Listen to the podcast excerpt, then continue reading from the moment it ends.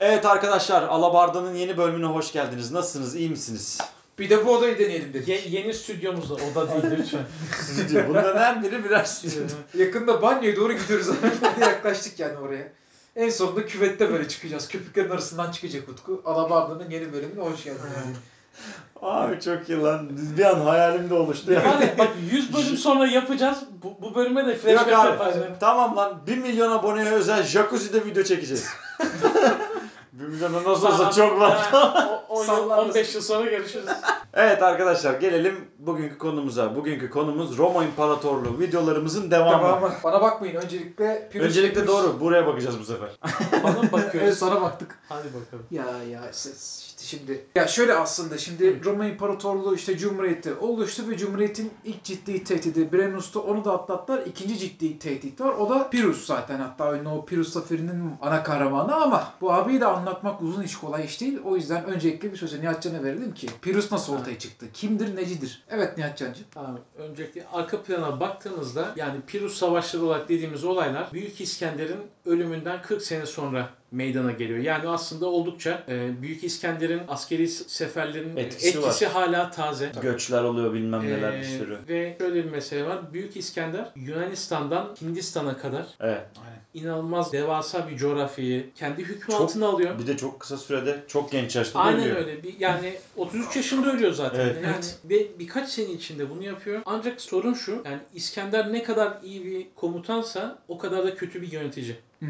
Çünkü bu kadar değişik etnik yapıdaki bir coğrafyayı, bu kadar değişik dil konuşan insanları, bu kadar değişik kültüre sahip bir topluluğu zaten yönetmek neredeyse imkansız. Evet, o kadar büyük Ki- toprak alırsan. O zamanın çağı, o zamanın şeyini bile. yani ulaşım ve iletişim araçları zaten hani oldukça ilkel. Bir de şöyle bir sorun var. Yani Yunanların sayısı çok az. Evet. Yani bu kadar büyük bir e, coğrafyayı yönetmek için sizin inanılmaz büyük bir bürokrat ve asker ağına Yani ihtiyacınız az- var. azınlık yönetemez orayı ki Yunan o zaman azınlık kalıyor kendi Şöyle bir şey şeyinde söyleyeceğim. yapısında. Enteresan bir olay var. Gördüğümüz anlamıyla yani Yunanistan, Makedonya, Bulgaristan'ı da içine alan bölge, Bulgaristan değil ama ağırlıklı olarak o Makedonya'da dahil olmak üzere o bölgenin sadece %30'u ekilip biçilebilir alan. Evet. Geri kalan her yer dağ. Yani Evet. haliyle de aslında O nüfus yüzden az zaten oluyor. hayvancılık yoğun ya. Benim en anlamadığım şey bu adam bu kadar az nüfusa nasıl bu kadar? Aslında olay şu. Yani nüfusu inanılmaz derecede az değil. Yani Pers İmparatorluğu'na göre az. Ancak zaten o ekilip biçen alanın az olması yani Yunanları koloni kurmaya zorluyor. Yani bütün bir Akdeniz havzasında mesela ta Marsilya'ya kadar gidiyorlar kadar. aslında. Onun güneyindeki adaların adı neydi o şeyde? Ee, Korsika, Sardunya. Sardunya. Ya o yüzden Anadolu o zaman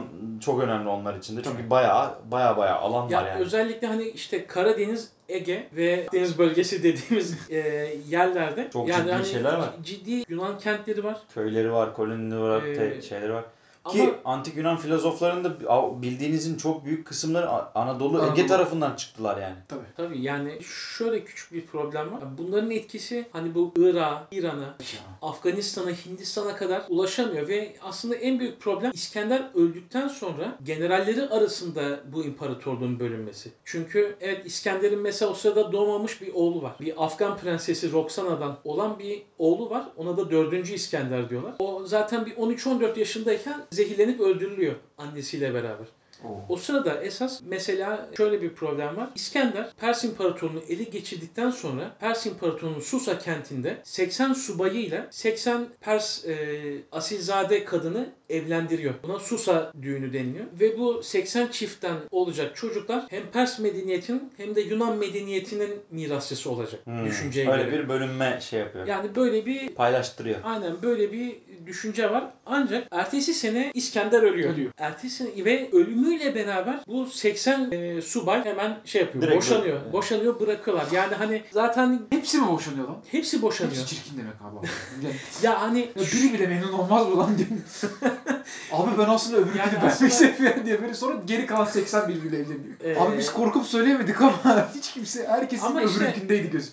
a- aynen öyle. Yani hani bu ittifakın bu birlikteliğin ne kadar zayıf olduğunu Zayıf. gösteriyor aslında. Tabii. Yani o kontrol inanılmaz zayıf. Ki aslında hani İskender'in zaferinin Pers İmparatoru Darius'un aslında za- zafiyetine de e, Evet. veriyorlar. Çünkü Darius'tan bir önceki kral aslında oradaki bir oradaki vezirin yani gerçekten de taht oyunlarıyla şeye başa gelen ve yine o vezirin öldürttüğü bir da Pers İmparatorluğu'nda da inanılmaz bir istikrar eksikliği var. Destabilizasyon. İnanılmaz bir e, entrika var ve hatta yani bir iç savaş da geçirmiş. Yani suikastler vesaire de olmuş. O yüzden yani oranın siyasi yapısı da aslında oldukça kaygan. Kaygan. Her neyse yani İskender öldükten sonra imparatorluk parçalara bölünüyor. Mesela bunların en büyükleri Ptolemaios generali Mısır'ı, Filistin'i ve Suriye'yi yönetiyor ki kendisi aslında bizim Firavun ünlü ilan ediyor bir de. Evet ve kendisi bizim hani ünlü Kleopatra'nın da Büyük büyük büyük büyük dedesi. Ve hatta Kleopatra mesela şöyle hani bazı kutlamalar olduğunda eğer Mısır kutlamasıysa mesela ta- Mısır tanrıçası Isis'in kılığına girip Hı hı. hani öyle bir kutlamaya katılıyor. Ya da mesela bir Yunan Makedon yani Helenistik kültür festivali ise mesela Athena kılığına giriyor. Yani hani Hı, bir aynen. Yunan tanrıçası kılığına giriyor. Aslında yani hani iki kültürde bir şekilde birleştiren, iki kültüre de bir şekilde nasıl desem ağzına bir parmak bal çalan Çal çalıyor. Ortada böyle bir, ee, bir şey. şeyle aslında bir idare etme şeyi. Bir de mesela e, Güzel bir idare yöntemi. Aynen öyle Yani ve Seleucus- bayağı da ediyorlar yani Tabii, şey tabii. Romalılar gelene kadar da ellerinde tutuyorlar. Tutuyorlar. Yaklaşık 200, 200 sene falan. Daha Aynen. fazla. 300, Daha bile 300, Yani 400. bir- Sezar Sezar gelene kadar. Sezar'ın gençliği evet 300 sene falan. 300-400 senesi var yani öyle bir şey. Yani şey 200 sene kadar. 200 250 Abi şey sene 400 kadar. değil miydi? ben şöyle diyorum yani Yok 270. sadece Ptolemy'nin şey değil 270 de- mi? 270 O zaman 200 sene. ya e, Ki az buz değil. Özellikle Tabii tabii, için. kesinlikle. İyi bir, iyi bir rakam. yani. Evet. o sırada mesela Anadolu'nun ya aşağı yukarı merkezinden aşağı yukarı Ankara diyelim mesela. Ankara'dan şeye kadar. Ankara'dan Afganistan'a Afganistan'a kadar, kadar. olan kısmı Seleukus isimli generalin Hı. yönetimi altında. Bu arada Afganistan'da da ayrıca bir hatta Baktrya deniliyor. Ha, ona. Baktrya mesela o Baktria'da da ayrı bir krallık Krallık var. var. Bir de mesela Trakya. Trakya Hmm. ve Makedonya'yı Makedonya, ayrı bir kral aynen. yönetiyor. Yunanistan ayrı bir kral yönetiyor ve Epirus'u da ayrı, Ayrı bir, bir kral, kral yönetiyor. Epirus da Epirus'un coğrafi olarak nerede olduğunu da açıklayalım. Epirus da bugünkü Yunanistan'ın kuzeydoğusunda. Aynen. Yani İtalya'nın o çizmisinin karşısı oluyor. O Yani, çizmisinin evet. topunun karşı tarafında oluyor. Aynen. Tamam. Yani biraz daha bugünkü e, Arnavutluk. Arnavutluk Arnavutluk sınırı. Yani mesela yani Epirus tahta geçtiğinde hala birbiriyle savaşan Yunan krallıkları var. Daha doğrusu yani, yani İskender'in haleflerinin savaşları. Hani buna Diadoki diyorlar işte. Hı, aynen. Yunanca'da halef yani İskender'den sonra gelenlerin mücadelesi. Ve yani Epirus diğer krallıklara göre oldukça küçük kral. Mesela ne bileyim bir hani Seleukus'la ya da Ptolemaios'la kesinlikle boy ölçüşemez. Ki O yüzden Epirus yani o sırada daha yeni palazlanmakta olan bir Roma Cumhuriyeti'ni kendine daha rakip görüyor. e, aynen öyle kendine daha uygun bir yem olarak görüyor. Aynı zamanda şöyle bir mesele var. Roma Cumhuriyeti işte hani palazlandığı için artık o İtalya'nın hani ökçesine doğru, topuğuna doğru hani şey yapmaya başlıyor, yayılmaya başlıyor. Buradaki kentler özellikle bugünkü işte Taranto kentinin Hı hı. şeyi olan Tarentum Taranto. kenti ve bu arada şunu da söyleyelim. Yani o sırada İtalya'nın güneyi ve Sicilya aslında bu demin bahsettiğimiz olan Yunan, Yunan kolonileri. Böyle Yunan koloni şehirleri. Burada hani bir Yunan kültürü mevcut ve Roma'nın bu ilerlemesine hiç memnun değiller. O yüzden aslında Epirus'tan da yardım, Yardım istiyorlar. O sırada Epirus aynı zamanda Makedonya'dan da bir teklif geliyor. Hı hı, Yani işte. Makedon tahtına da bir teklifte bulunuyorlar ama Epirus büyük ihtimalle orada tutunamayacağını düşünüyor. İtalya'da kendisine bir krallık yaratma hayali içinde. Hazır zaten oradaki Yunan e, kentleri de kendisini de- destekleyeceğini Destekleyecek. söylediği için orayı kendisine daha garanti bir yer olarak görüyor. görüyor. Bir de şöyle bir şey var ya Pirus'un enteresan bir karakteri var. Şimdi baktığımız vakit aslında çoğu noktada hani bu böyle FRP alemlerinin Paladin'ine benzeyen bir karakter. Bir yandan son derece yüksek bir onur anlayışı var. Onura, haysiyete, şerefe çok önem veren bir adam. Tebaasında çok iyi davranan bir adam.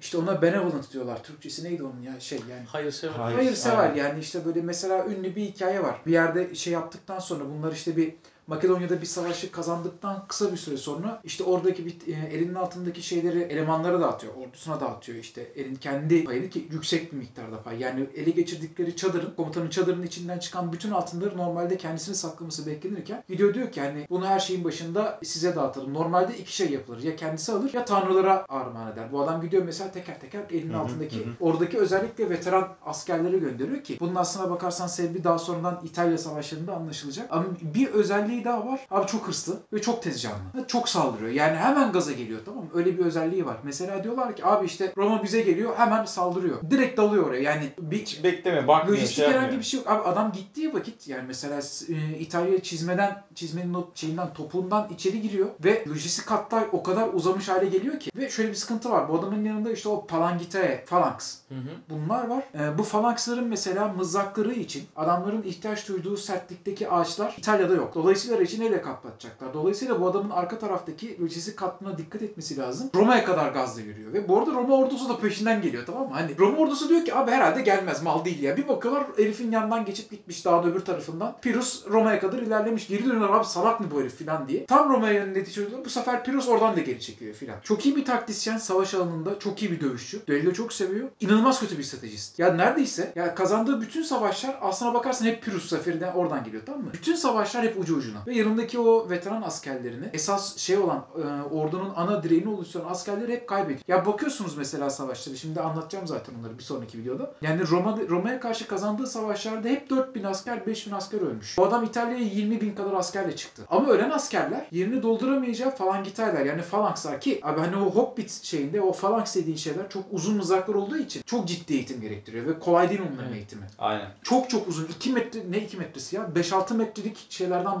bahsediyoruz. Mızraklardan bahsediyoruz. Onun iyi eğitimini alamazsan oradan içeri bir tane adam girdiği vakit o falanks duvarından perişan ediyor ortalığı. Evet. Koyacak Dağılıyor. hiçbir Bütün, şey yok. bütün ordu dağılıyor. Bütün orduyu dağıtıyor. Onu- Onun içeri sokmamak için de çok sağlam bir eğitim alıyorlar. Şu kol deli gibi kastı mesela adamlarda. Çok uzun mızrak tuttuğu için bunların yerine koyabileceği askerler yok. İtalya'da hiç yok. Aynen. İtalyanlar böyle bir formasyonu bu kadar derin işlemiyorlar zaten. Zaten yani Ki bu önceki videolara bakarsanız Roma ordusu da falanks düzeninden çıkıyor, çıkıyor. zaten. Zaten bu şeye karşı özellikle o çok etkili oluyor. Yani o falanks üzerinden, o falangitaya işte hobbit üzerinden çıkmalarının e, avantajlarını alacaklar. Aslında o Nihat'ın bir önceki videoda anlatacağı o ma- manipular sisteme geçmişler adamlar artık. Öbür yandan da tarihte ünlü vecizeleri de olan bir adam. Ama yani en son noktada çünkü Roma tarihine giriyor ve çıkıyor bu adam. Yani giriyor ve çıkıyor ve sonra şeyde e, ne, neresi oranın adı? Nerede ölmüştü? Argus muydu kentin adı? Argos. Ha, Argos. Ya öyle bir noktaya geliyor ki İtalya'da tutunamıyor. İtalyanları iki savaşta da yenmesine rağmen yani adam diyor ki onun ünlü bir şey var işte. Neyse onu sonra videoda söylerim. Oradan Sicilya yeniyor. Kartacılılarla savaşıyor. Sonra tutunamıyor. Çok yüksek miktarda vergi topladığı için Sicilya'dan bu sefer onu oradan gönderiyorlar.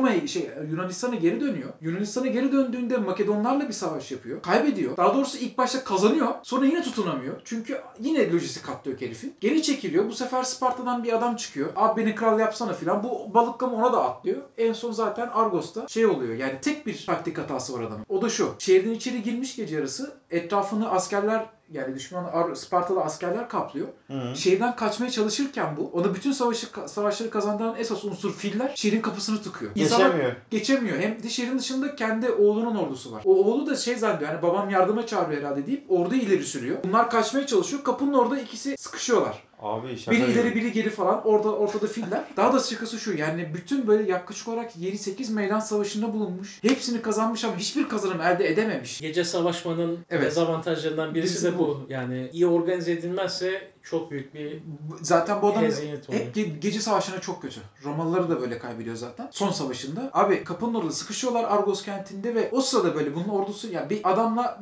düelloya tutuşuyor bu. Ama karşısındaki adam milis yani. Hani hiç dövüşmekle dövüşmekle alakası olmayan bir adam ama işte abi şöyle bir şey var. Onunla dövüşürken dövüştüğü adamın annesi de yukarıda balkonda tamam mı? Şehir içindeler bunlar. Kadın Epirus, şey, Pirus'un kafasına şey atıyor abi kiremit atıyor. Pirus onu kafayı yiyip attan düşüyor. Attan düştüğü anda da herkes üzerine çullanıyor. Adamın boğazını kesiyorlar. Daha doğrusu kafasını kesiyorlar. İşte bak ana yüreği böyle bir şey. Abi kadın mı? oğlunu kurtarıyor derken- annenizin kıymetini bilin işte. Yani röportaj yapmışlar. Vallahi yavrum ya işte. Abi yani bir, bir duyduğum en saçma komutan ölümlerinden biri bu yani. Ya Ama- bir tanesi o ce- şey Ceyhan Nehri'nde ölen Aa, şey Frederick Barbaros. Aynen Frederick var. Evet, Frederick abi. Barbaros efsane. Bir de bu Evet kiremitle. hakikaten yani. İşte abi sa- işte savaş ve seferde ne olacağı hiç belli olmaz. İşte Abi- mimari önemli değil demeyin. Önemli bak kiremiti buldukları için. Yoksa daha o o o başa belaydı. Neyse kısacası abi enteresan bir adam. Enteresan bir karakter. Ve tarihte Pirus Zaferi'nin çıkmasının sebebi. Onun, onun ünlü lafı onu da artık Roma İmparatorluğu bölümünde anlatırız. Evet arkadaşlar sonraki videolarda görüşmek üzere. Kanala abone olmayı unutmayın. Yorumlarınızı bekliyoruz. Hoşçakalın. Kendinize iyi bakın.